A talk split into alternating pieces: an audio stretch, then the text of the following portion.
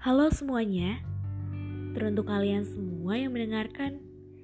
Kali ini gue bakal menemani kalian di penghujung hari. Menemani sepi, waktu sebelum tidur, kerja sampai lembur, atau sekedar berpikir tentang hidup ini. Pernah kepikiran gak sih? Ternyata banyak hal dalam hidup ini yang kadang kita sendiri gak pernah tahu ke mana arah dan tujuannya.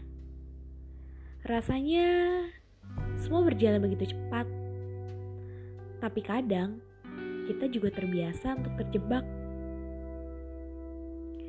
Mungkin kali ini enaknya bahas tentang mimpi kali ya.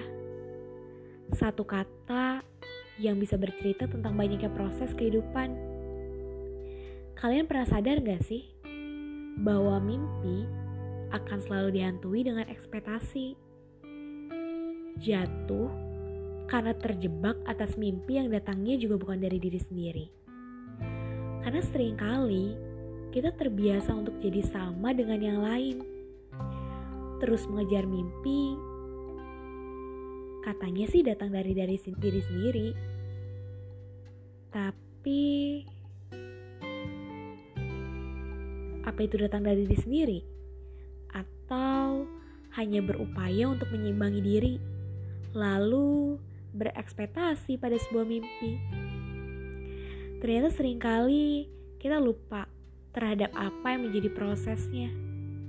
Terlalu fokus terhadap hasil membuat kita gak pernah kenal atau bahkan gak mau mengenal apa yang jadi proses untuk mencapainya.